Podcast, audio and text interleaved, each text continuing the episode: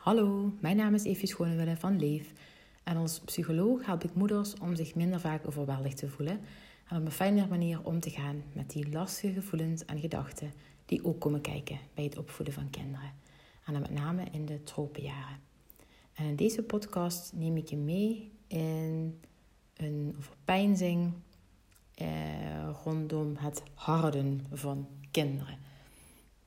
Oftewel de paradox van creëren van weerbare kinderen door ze alvast te laten wennen aan de zaakjes harde wereld.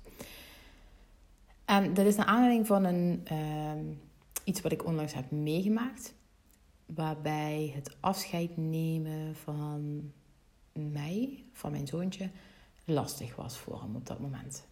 En dat heeft hij wel vaker. Die overgang is uh, vaak moeilijk voor hem, vooral bij het uh, kinderdagverblijf waar hij heen gaat. Hoewel dat na twee minuten altijd weer goed is en hij het daar heel leuk heeft en heel fijn heeft. Uh, maar ook soms als ik thuis wegga en mijn zoontje bij mijn man of bij mijn moeder blijft, die die allebei heel graag ziet, dan is toch die overgang van het van thuis zijn, bijvoorbeeld na een weekend, lang weekend samen, dan, uh, ja, dan heeft hij daar even verdriet over. En dat, uh, dat mag, dat mag er zijn. Dat betekent dan niet dat soms het niet toch zo is dat dingen moeten gebeuren. Dus op dat moment dat ik toch gewoon ga. Um, maar dat betekent ook niet dat het verdriet er maar niet mag zijn voor hem. En er werd een opmerking gemaakt toen eh, hij begon te huilen en aangaf dat ik niet weg mocht gaan, dat ik thuis moest blijven. En in plaats van stug door te lopen, en spoiler, uiteindelijk ben ik wel gewoon gegaan, maar heb ik, ben ik eerst een paar minuten bij hem blijven zitten en heb ik hem, naar hem geluisterd. Dus heb ik gehoord zijn verdriet, en zijn uh, frustratie. Um, heb ik er even met hem over kunnen spreken. En um, ja, zijn, zijn gevoel er laten zijn. En daar ook erkenning voor geven. Want ja, ik begrijp het ook wel. En er werd een opmerking gemaakt van... Um, ik weet niet meer hoe het precies gezegd werd. Van... tja, ja, de wereld is hard, hè. En dat was natuurlijk om aan te geven van... Ja, je kunt nou wel met zachte handschoentjes proberen om dit uh, weg te maken. Terwijl ik juist het tegenovergestelde wil. Ik wilde juist met veel um, ruimte, met veel... Ja, juist er zijn voor hem. Uh, luisteren naar hem. En, uh, en juist zijn emoties laten doorleven in plaats van het maar weg te doen en weg te maken. Zo van toughen up. Um, in plaats van gewoon de deur uit te zijn gelopen. En nogmaals, dit is niet, um, dit is hoe ik het heb gedaan en hoe ik het zou doen. Ieder maakt erin uiteraard zijn eigen keuzes. En dat is ook afhankelijk van hoe je zelf als persoon bent, of je kind, of je gezin en hoe je het doet. Dus uh, zeker geen praatje als je moet dit altijd zo of zo doen. Maar meer mijn visie, ik denk dat het goed zou zijn en ook wat van mijn gezin werkt. Maar een algemener iets daarin is, dus eigenlijk zat er dus de assumptie onder, en daar heb ik heel lang over nagedacht, vandaar ook deze podcast. Dus als we uh, vinden dat, want ik denk dat het met goede bedoeling was, zeker weten, zo van, maar dat we er anders naar keken, die, diegene die dat zei en ik, of anders naar kijken. Om ervoor te zorgen dat we weerbare voor kinderen en volwassenen krijgen, om zeg maar om te gaan met de wereld en uh, diegene noemde dat de harde wereld. En ik denk, ik, ja, de wereld is niet alleen maar leuk, maar ook niet alleen maar kommer en kwaal. Dus ik vind het ook, voor mij gaat het ver om dat de harde wereld te zien. Maar ik denk dat we hetzelfde ook voor ogen hebben, namelijk dat een kind niet alleen maar de fijne, mooie dingen heeft ervaren en dat alles gaat zoals hij of zij wilt. En dan uiteindelijk in de tussenhaakjes echte wereld komt, waarbij er ook rekening gehouden moet worden met elkaar, respect, uh, respect moet zijn en uh, dingen ook soms tegenvallen of misschien vaak tegenvallen en pijnlijk kunnen zijn. En daar zit de paradox dus een beetje in. Want eigenlijk beogen we dus hetzelfde, degene dat zei en ik. Om dus ervoor te zorgen dat mijn zoontje niet... Ja, dat hij daar niet uh, weerloos dadelijk staat. Zo van, help, kom uit de veilige kokon van mijn gezin, van thuis. En nu weet ik niet hoe ik hiermee om moet gaan, help. Maar de aanname is dus om te wennen. Dus om je aan die hardheidszaakjes, zeg maar, uh, straks staande te houden dan moet je ook maar nu als kind eigenlijk maar gewoon zo hard behandeld worden. Om maar gewoon, klak, gewoon pas, boem, weg, hup, gaan.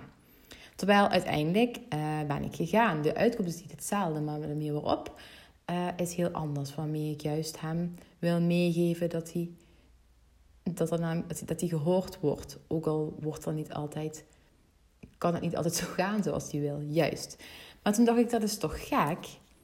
Dus eigenlijk alsof ik de hele dag tegen mijn kind maar zou moeten schreeuwen, zodat hij er alvast aan went dat er op latere leeftijd vast wel iemand ooit eens, en dat zal zeker gebeuren, misschien ben ik het wel, tegen hem uit zal vliegen. Ja, wat voor boodschap geef je dan hiermee over de wereld en over vertrouwen en vertrouwen in de mensheid? Ik denk juist dat het belangrijk is dat je juist het vertrouwen in de mensheid meegeeft. En waarmee je niet zegt alles is mooi en uh, roze geur en maneschijn. Maar ook niet alles is kommer en kwel. Door juist een bodem te geven waarin die gehoord en geliefd is. En juist mag leren om om te gaan met die moeilijke dingen op een manier waarvan ik denk die veel meer die weerbaarheid en die flexibiliteit in psychologisch opzicht meegeeft. Horen, het verdriet mag er zijn, ik hoef het niet weg te maken. Um, ik ga leren hoe ik met die dingen omga. Bijvoorbeeld in het voorbeeld van mijn zoontje met afscheid nemen. Um, zodat hij het uiteindelijk ook eigen kan maken. Dat hij daar misschien mij of zijn vader of andere mensen in zijn omgeving straks niet meer bij nodig heeft. Dat geïnternaliseerd is naar zichzelf. Maar dan hoop ik dat zijn stem is van... Weet je, ik mag verdrietig zijn. Uiteindelijk verandert het niet zoveel aan de uitkomst op dit moment. Want ik heb hier blijkbaar geen keuze in. Um, maar ik weet dat ik hier doorheen kom. Dan zit niet zo te huilen, kleine, kleintje. Of uh, zit je je weer aan te stellen, kom op. Uh, zo erg heb je het niet en de wereld is hard, wend er maar. Ik weet niet, maar voor mij klinkt dat eerste wat fijner dan het laatste. Um, maar eerlijk gezegd klinkt dat laatste misschien ook wel wat bekender. Omdat ik denk dat we allemaal toch wel een beetje zijn opgegroeid. En ik wil niet generaliseren, met niet iedereen, maar het overgrote deel van de mensheid toch in de zin van ja doe maar gewoon, doe je al gek genoeg. En uh, niet te veel uh, uh, emoties tonen. Um, want we willen vooral niet aan die vervelende emoties. Um, dus ja, ik vond het wel, wel heel bijzonder. Ook, ook als je het doortrekt hè, naar, naar je volwassen leven. Als je op je werk bent en um, ja, je, je hebt een, een artikel geschreven. En ja, dat wordt niet uh, geapprecieerd, dat is niet goed of anders dan ze hadden gedacht, noem maar op. En kijk, de andere uit misschien omdat heel voorzichtig, oh nee, ja, het was wel goed. Punt. En uiteindelijk wordt er niks mee gedaan. Daar leer je ook niks van. Daar word je misschien alleen nog maar onzekerder van. Want het was goed, maar het wordt niet gepubliceerd bijvoorbeeld. Als het over artikelen publiceren gaat. Wat ik blijkbaar als voorbeeld had genomen. Geen idee waarom. Um, maar de andere kant is, leer je dan doordat er op je gevoeterd wordt, wat een shit artikel, dat is echt slecht, dit, is, dit kon je echt beter doen. En uh, ja, weet je, straks, stel je voor het gaat om een stagiaire die artikelen um, schrijft en oefent. Als je straks bij een groot bedrijf werkt, dan gaat het ook zo. Uh, dus ben er maar aan, dan word je ook gewoon keihard afgestraft. Ik weet niet, maar nogmaals, niet de verwille handschoentjes, maar ook niet de zwarte kommer en kwelkant. Waarom niet gewoon, oké, het is gewoon niet goed, het artikel. Oké, ik zie dat je er verdrietig van wordt. Dat is vervelend. En niet om dat dan weg te maken, maar dat mag. Dat is ook niet leuk. Dat is ook niet leuk. Maar het mag er zijn. En ehm, ik ga je juist het vertrouwen geven en de erkenning en de ruimte geven, zodat je dat kunt internaliseren. En als er straks een moment komt dat je een, echt een keer wordt afgesnauwd omdat je een artikel inlevert wat niet zo goed was. En wat nog vaak gaat gebeuren, dat je niet meteen in zak en as zit en niet opgeeft. En uh, hopelijk doorgaat en het weer opnieuw probeert. En jezelf niet naar beneden haalt in je hoofd of letterlijk. Maar dat je weet, oké, dit gevoel hoort erbij en mag er zijn. Dat is toch veel empathischer. Um, ik denk dat je daar ook veel meer van leert. Uh, juist om je staande te houden. Dus dat is voor mij um, de paradox. Empathie is echt niet. Um, het maakt niet dat het. Er wordt vaak uh, gezegd of dat er bang is dat het gedrag dan beloond wordt. Bijvoorbeeld uh, in het geval van mijn zoontje dat ik wegging. Ja, als je dit altijd doet, dan wordt het de volgende keer nog moeilijker en nog moeilijker. En dan kom je eigenlijk nooit meer weg. En nee, ik, ik dacht, dat geloof ik niet. Dat zie ik ook dat dat niet gebeurt. Hoe meer ruimte er is, hoe makkelijker het juist zelfs vaak wordt. En soms ook niet hoor, soms blijft het gewoon iets lastigs. Een overgang of iets wat een kind of een volwassene moeilijk vindt. Ehm, maar erger in de zin van dat het meer schade zou aanrichten of dat ze minder weerbaar zouden worden, niet. En misschien wordt het gedrag in die zin erger te zaakjes als je erger zou um, omschrijven als dat het steeds vaker voorkomt. Of dat het misschien de emotie nog heviger wordt de volgende keer. Maar dat is in mijn idee alleen maar een, juist een, uiting van wat er al zat. En, en niet iets wat je daarmee um, aan, op aanboort of zo. Of laat, het is meer een soort van opening geven aan wat er toch al zat. En het kan er maar beter uitkomen voordat je van binnen letterlijk figuurlijk opeet, zeg ik altijd maar. Want emoties zijn er om gevoeld te worden. En hebben de ruimte nodig om niet beslag te nemen over je leven, over jezelf. Zodat je daardoor geleid gaat worden. En dat um, gezegd hebbende maakt het misschien ook makkelijker om empathisch te kunnen zijn als je kind bijvoorbeeld helemaal door het lint gaat. Als het de verkeerde kleur tussen haakjes beker krijgt. Want dan denk je misschien, wat een overdreven reactie. Of dat staat toch helemaal nergens op. Terwijl het voor je kind een soort van kleine crisis is.